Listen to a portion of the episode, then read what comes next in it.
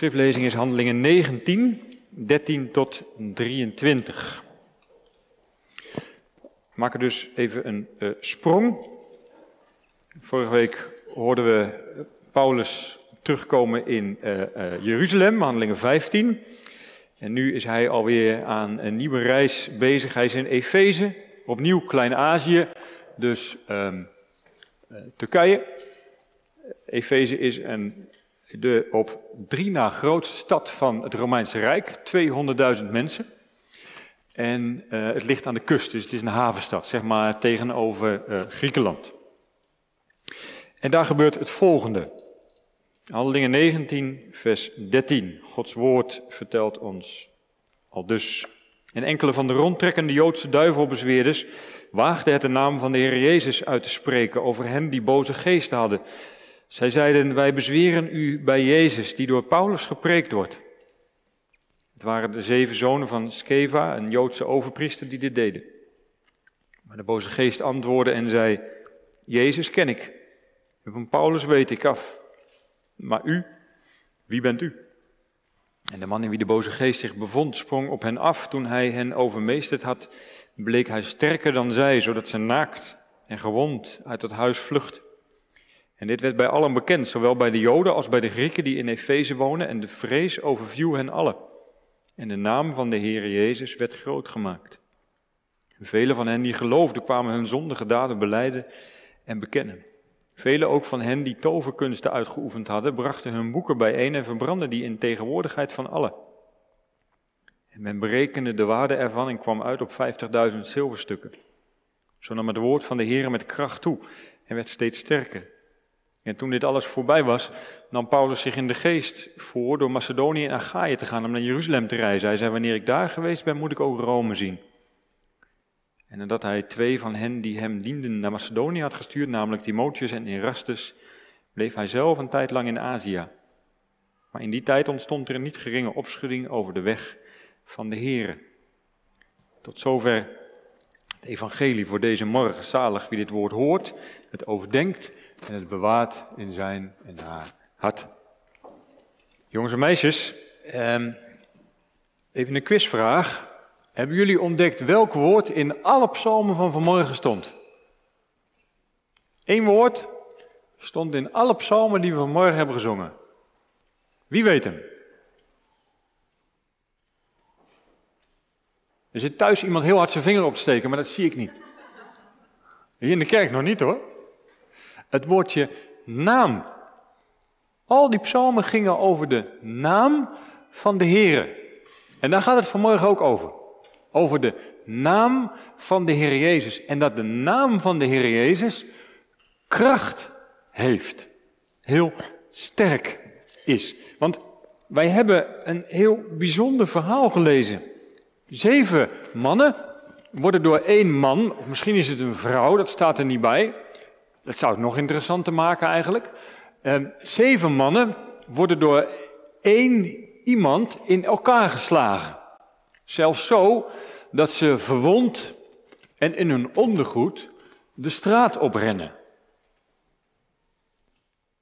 Maar eigenlijk vind ik dat nog niet het meest bijzondere. Wat er daarna gebeurt is nog raarder. De mensen in Efeze, het is Paulus, die gaan de Heer Jezus aanbidden, omdat hij niet geholpen heeft.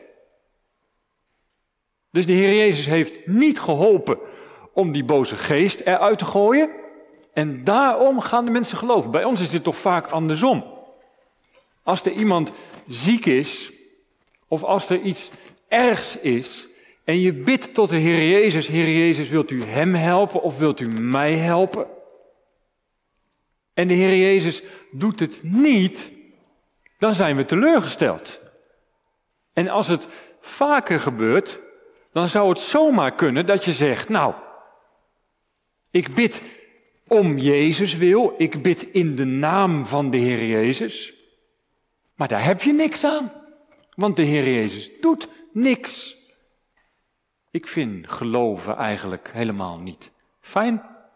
En hier is het precies andersom. De Heer Jezus doet niks en daarom gaan de mensen geloven. Wat is dat? Nou, ik denk dat we dus even diep in die geschiedenis moeten duiken om te ontdekken wat er nou precies gebeurt. En om dus duidelijk te krijgen, wat is nou precies de macht van de Heer Jezus, de macht van de naam van de Heer Jezus. Het begint met zeven Joodse mannen. Ze zijn Joden en zoon van iemand die de hoge priester wordt genoemd. Nou kennen we geen hoge priester met die naam, maar ze komen in ieder geval uit een goede Joodse familie. Alleen, die jongens zijn een andere kant op gegaan dan hun vader. Ze zijn niet in de tempel in Jeruzalem te vinden, maar zij zijn rondtrekkende duivelbezweerders die ver bij Jeruzalem vandaan in die machtige havenstad Efeze zijn. En daar hebben ze dus toverspreuken, toverformules, waarmee zij de boze geesten, dus de geesten die, die in mensen zijn gegaan en, en daar die mensen allerlei rare dingen laten doen, die, die boze geesten worden door die zeven mannen bezworen en zo bedwongen. Die, die, zeven mannen gooien die duivelen eruit. Ik vind dat dapper. Ik vind het dappere mannen. Misschien vindt u het vreemd dat ik dat zeg, omdat het duivelbezweerders zijn. Dat doen we toch niet aan. Maar stel je dat nou eens voor, hè? Efeze is een grote stad. De op drie na grootste van het Romeinse Rijk. Een stad met een heel aantal tempels. En de grootste is die van Artemis of Diana. Die tempel is één van de zeven wereldwonderen. De stad staat bekend om zijn occulte, magische praktijken. 200.000 mensen in één stad. En al die mensen zijn op zoek naar houvast en naar rust. En dan zijn er zeven broers, zonen van Skeva. En die onderkennen de macht van het kwaad. Maar ze wagen het om zich te weer te stellen tegen die duistere, donkere machten. Vanuit hun Joodse geloof. Want had God niet gezegd dat hij vijandschap zou zetten tussen het vrouwenzaad en het slangenzaad? En misschien is er ook nog wel wat financieel gewin bij betrokken, gezien de bedragen die verderop in het hoofdstuk worden genoemd. Allah. Maar ze gaan maar met z'n zevenen in de naam van de God van Israël die grote stad in. En zij confronteren het kwaad met de naam van Israëls God. Ze lopen niet om dat kwaad heen. Ze trekken zich niet terug in hun veilige land, maar ze gaan de strijd aan. Hier wil ik eventjes halt houden, omdat dat misschien een aandachtspunt is voor u, jou en mij. Want waar zien wij het kwaad? Ik denk vooral in mensen. Heel vaak zien we het kwaad in andere mensen, in politici die voor ons gevoel meer oog voor eigen belang dan voor landsbelang hebben, in collega's die zo subtiel venijnig kunnen zijn. Maar als christen hoop ik dat we het kwaad ook in onze eigen ziel hebben ontdekt, hebben gevonden en ervan geschrokken zijn. Alleen, vanaf het begin af aan geeft de Bijbel aan dat het kwaad onze verantwoordelijkheid is, maar dat er machten buiten ons zijn die erop uit zijn om ons aan dat kwaad te onderwerpen. Het begint al met die slang in het paradijs, die Eva aan het nadenken zet over God, over schepping, over verantwoordelijkheid en over wat je wel en niet mag. En zo gaat het de Bijbel door. En even voor de goede orde. De Bijbel is nou juist een boek dat de verantwoordelijkheid niet afschuift op allerlei demonische machten. En Het gaat me ook te ver om, om hier nou precies uit te zoeken wat voor demon dat is. En misschien zouden wij wel zeggen, ja, die man heeft gewoon een psychose. En, en, wij zien dat anders. Nou, dat kan. En ik vind ook niet dat je elke psychiatrische aandoening um, um, uh, moet verbinden met, met, met bezetenheid. Dat lijkt me geen verstandige uh, optie. Wij kijken soms anders tegen de dingen aan. Maar zijn we daardoor misschien ook uit het oog verloren dat er in deze wereld een macht aan het werk is die het op u en op jou heeft voorzien? We leven niet in een neutrale wereld, waar wij helaas een boos hartje hebben en wel eens wat verkeerde dingen doen. Als de Heer Jezus het heeft over de duivel, heeft hij het over de overste van deze wereld. De duivel is de overste van deze wereld. Hij regeert. En die zeven zonen van Skeva, die zien dat. En die gaan daar tegen in. Hoe is dat met ons? Ons leven is niet maar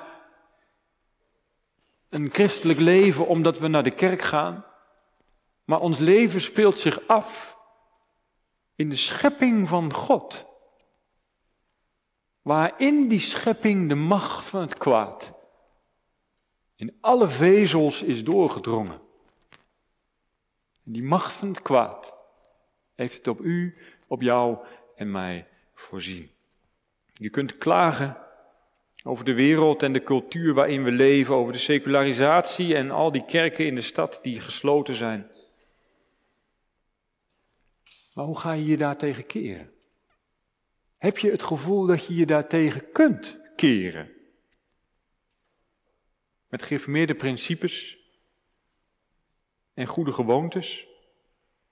Denk je te kunnen oproeien tegen de stroom die alles loswoelt bij jezelf en bij onze kinderen? Misschien heb je dan toch de macht van het kwaad nog niet zo beseft. Misschien heb je dan nog nooit echt gebeden, verlos ons van de boze. Nou, neem dat even mee. Dan gaan we weer terug naar die geschiedenis. In die stad vol eh, tempels en vol tovenarij zien die zeven mannen Paulus aan het werk. Hij was in Efeze begonnen met een kerkje van twaalf leden en preekt twee jaar lang dagelijks het evangelie van de levende Heer Jezus. En in hoofdstuk 18, vers 11 en 12 staat dat dat evangelie wordt begeleid door tekenen van bevrijding. Dat is het evangelie van Jezus die is opgestaan. Van de koning van hemel en aarde die regeert aan Gods rechterhand. En als begeleiding van dat evangelie eh, dringen de lichtstralen van Gods koninkrijk ook Efeze binnen. En daar worden dus mensen bevrijd van ziekte en van demonen. En die mannen zien dat. En denken nu de juiste formule te hebben om het kwaad te bestrijden. Want staat er, eh, enkele van de rondtrekkende Joodse duivelbezweerders waagden het. Wie je statenvertaling voor zich heeft, heeft daar het woordje onderwonden. Het heeft te maken met iets ter hand nemen. Dat je dus, je krijgt iets aangereikt en, en daar ga je mee aan het werk. Je gaat ermee aan de slag, zouden wij zeggen. Maar dat onderwonden heeft dus iets van, je, je krijgt, zo, zoals je eh, misschien je werkorders krijgt op maandag, die krijg je in je hand geduwd, ga deze ritten rijden. En, en die pak je beet en daar ga je iets mee doen. Dat is ook wat hier aan de hand is. Zij krijgen die naam van Jezus aangereikt door wat ze bij Paulus zien gebeuren. En zij gaan met die naam aan de slag. Zij nemen die naam onder handen. Zij proberen de naam van Jezus in hun vingers te krijgen. Ze leggen de hand op de goede formule. En als zij dan bij een klant een boze geest bezweren, gebruiken ze deze formule. Wij bezweren u bij Jezus die door Paulus gepreekt wordt. En dan gebeurt het.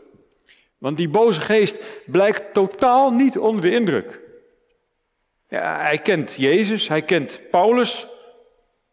Maar wie zijn jullie? Hij bespringt hen en overmeestert hen. Eén boze geest blijkt sterker dan zeven Joodse duiveluitdrijvers. Hoe moedig die mannen ook zijn, ze redden het niet. Ze worden door de boze geest in hun hemd gezet. Sterker nog, ze worden naakt en gewond het huis uitgegooid. Hij stelt ze een vraag. Wie zijn jullie? Ze zijn hem onbekend.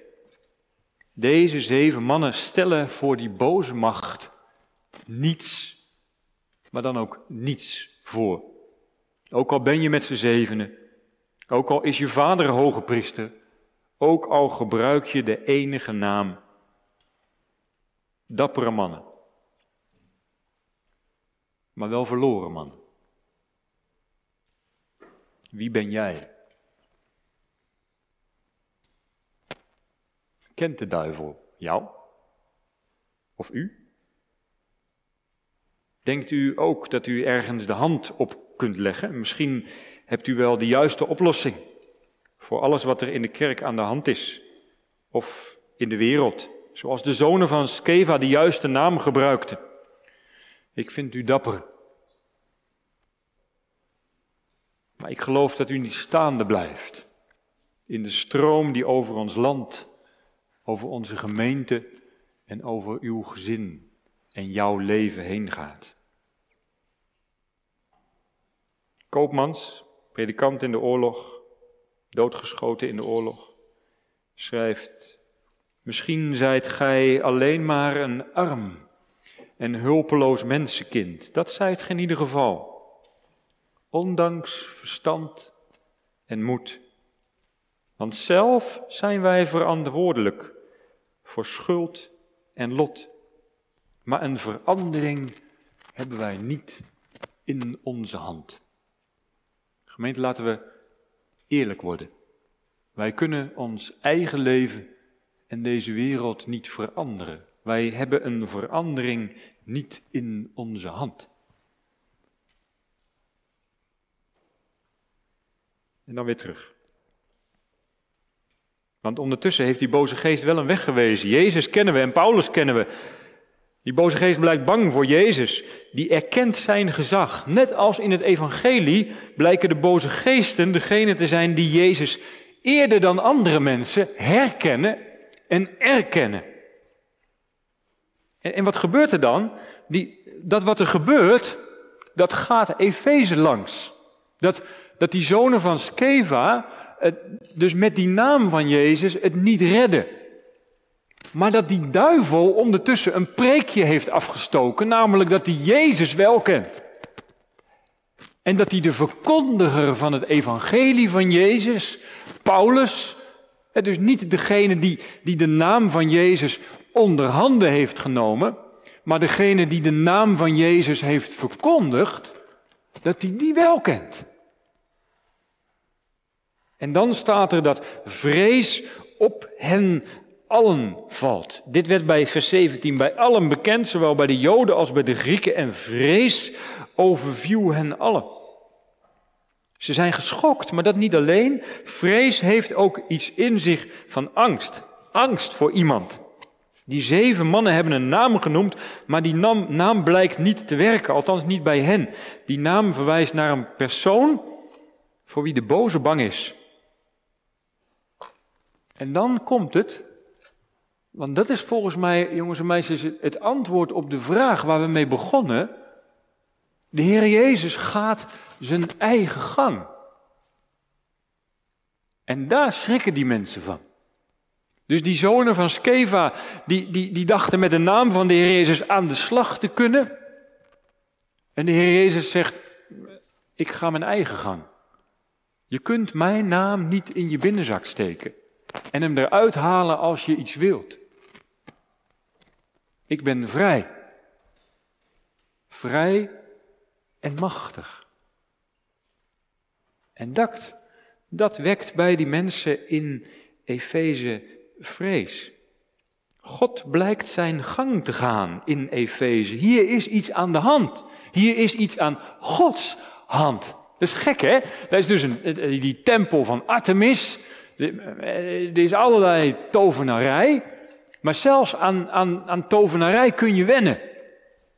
Alleen op het moment dat God zich dan manifesteert, als degene die zijn eigen gang gaat, dan schrikt men ineens. God is in ons midden.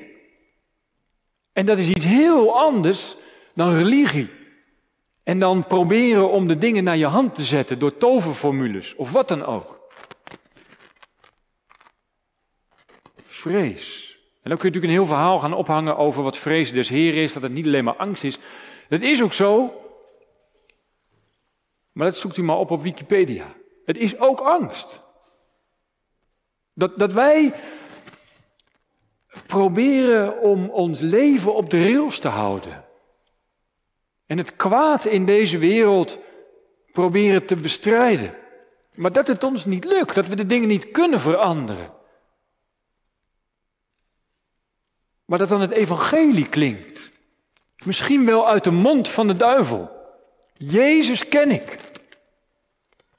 Dat ineens er een besef bij je binnenkomt. God is hier.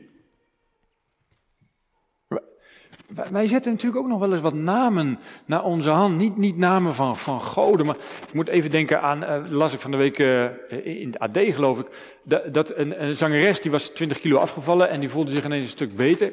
En die prijst nou over de hele wereld een, een, een, een dieetboek aan. Dus, dus, als je dat boek, dat is natuurlijk net weer ter hand neemt, hè? net zoals die, die zonen van Skeva dat, dat, die naam ter hand naam. Neem dit ter hand en je leven wordt een stuk beter. Dat is natuurlijk wat we willen. Dat je een boek hebt, dat je dan weer lekker in je vel zit en eindelijk kunt doen wat je zelf wilt en niet wat je omgeving altijd van je gevraagd heeft. Vrij zijn. Ter hand nemen. Maar het evangelie zegt vanmorgen tegen u, uiteindelijk gaat het niet werken. En gaat het je niet lukken. Maar het evangelie verkondigt tegelijk. God leeft. En laat zich door jou niet in je binnenzak stoppen. Maar hij is wel degelijk in je leven aanwezig. En dat kan eng zijn. Want op God heb je dus geen grip. God kun je dus niet naar je hand zetten. Het, het is hier in Efeze geen, geen reclame als God doet wat die zonen van Skeva van hem vragen. Dat zou je toch denken? Die zonen van Skeva zeggen, God help ons. En dan wordt die boze geest eruit gegooid en iedereen roept halleluja. Maar zo is het niet. God helpt niet. En in Efeze beseffen ze, God is er. Maar hij gaat zijn eigen gang. De duivelen getuigen van hem.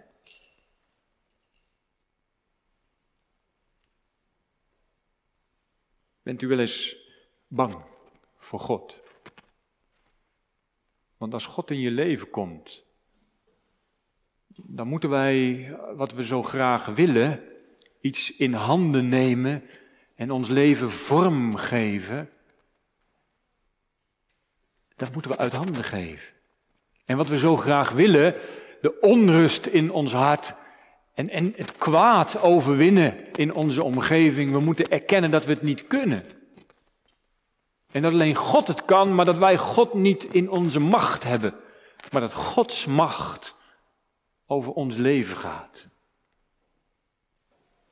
Vrees viel op hen. Er is een koning en hij is onderweg naar deze wereld, gemeente. Jezus leeft. En bij Hem valt de beslissing over dood en leven. Bij Hem is redding. Buiten Hem is verloren gaan. Die zeven mannen hadden verloren. En er blijkt één naam onder de hemel. Niet waardoor wij de dingen naar ons hand kunnen zetten. Maar er blijkt één naam waardoor wij behouden kunnen worden. Als die mensen in Efeze God gaan vrezen, volgt er nog een reactie. Ze gaan de naam van de Heer Jezus groot maken. Groot maken betekent loven, prijzen, Hem de eer geven die Hem toekomt. En jongens en meisjes, Weer eventjes terug naar het begin. Waarom gaan die mensen nou in de Heer Jezus geloven? Omdat ze zien dat de Heer Jezus machtig is. En wat gaan ze dan doen? Ze gaan de Heer Jezus niet naar hun hand zetten. Ze gaan de Heer Jezus niet gebruiken. Als je, als je iets gebruikt, dan pak je het in je handen en dan is altijd kleiner dan jij. Maar wat staat hier? Deze mensen gaan de Heer Jezus groot maken. Dus die zonen van Skeva, die, die namen het woord van Jezus onder handen. Maar die gemeente die ontstaat, gaat Jezus groot maken. Die, die zegt dus, Heer Jezus, wij kunnen u niet pakken.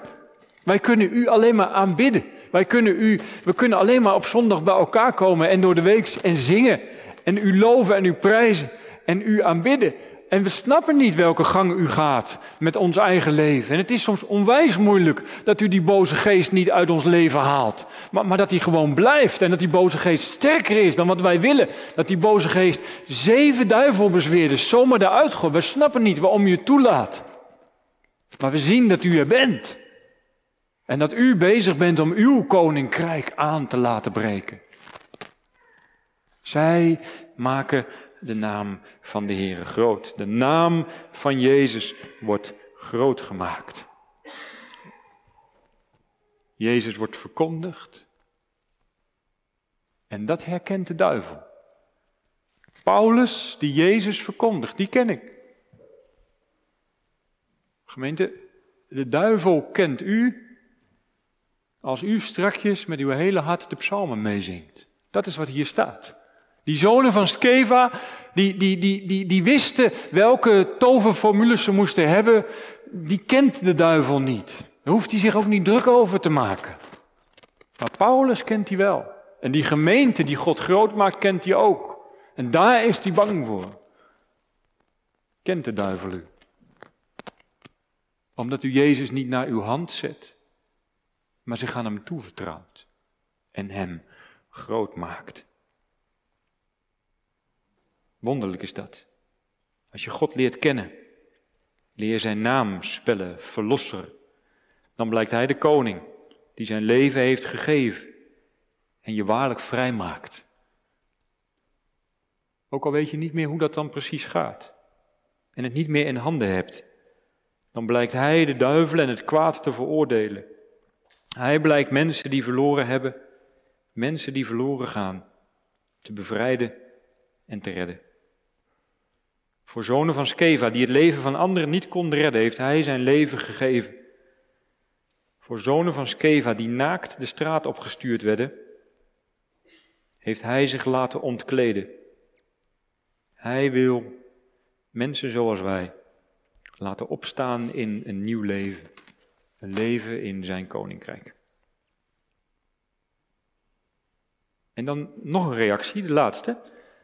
Ehm, want dit zijn dus de mensen, de Joden en de Grieken in Efeze. Maar in vers 18 zien we nog een reactie. En velen van hen die geloofden. Dat is dus de kerk. De kerk reageert ook. Niet met leedvermaak over het verlies van de zeven zonen van Skeva. Waarom gaan die mannen er ook met onze naam vandoor? Ha, het is er niet gelukt. Nee, had zomaar gekund, maar ze doen het niet. Ze staan ook niet te juichen omdat allen de Heere vrezen en de naam van de Heer Jezus loven. Zie je wel, onze kerk groeit. Nee, had ook zomaar gekund. Maar wat doen ze? Ze gaan biechten. En vele van hen die geloven kwamen hun zondige daden beleiden en bekennen. Of, zoals de Willybord-vertaling heeft, veel gelovigen kwamen openlijk hun praktijken opbiechten.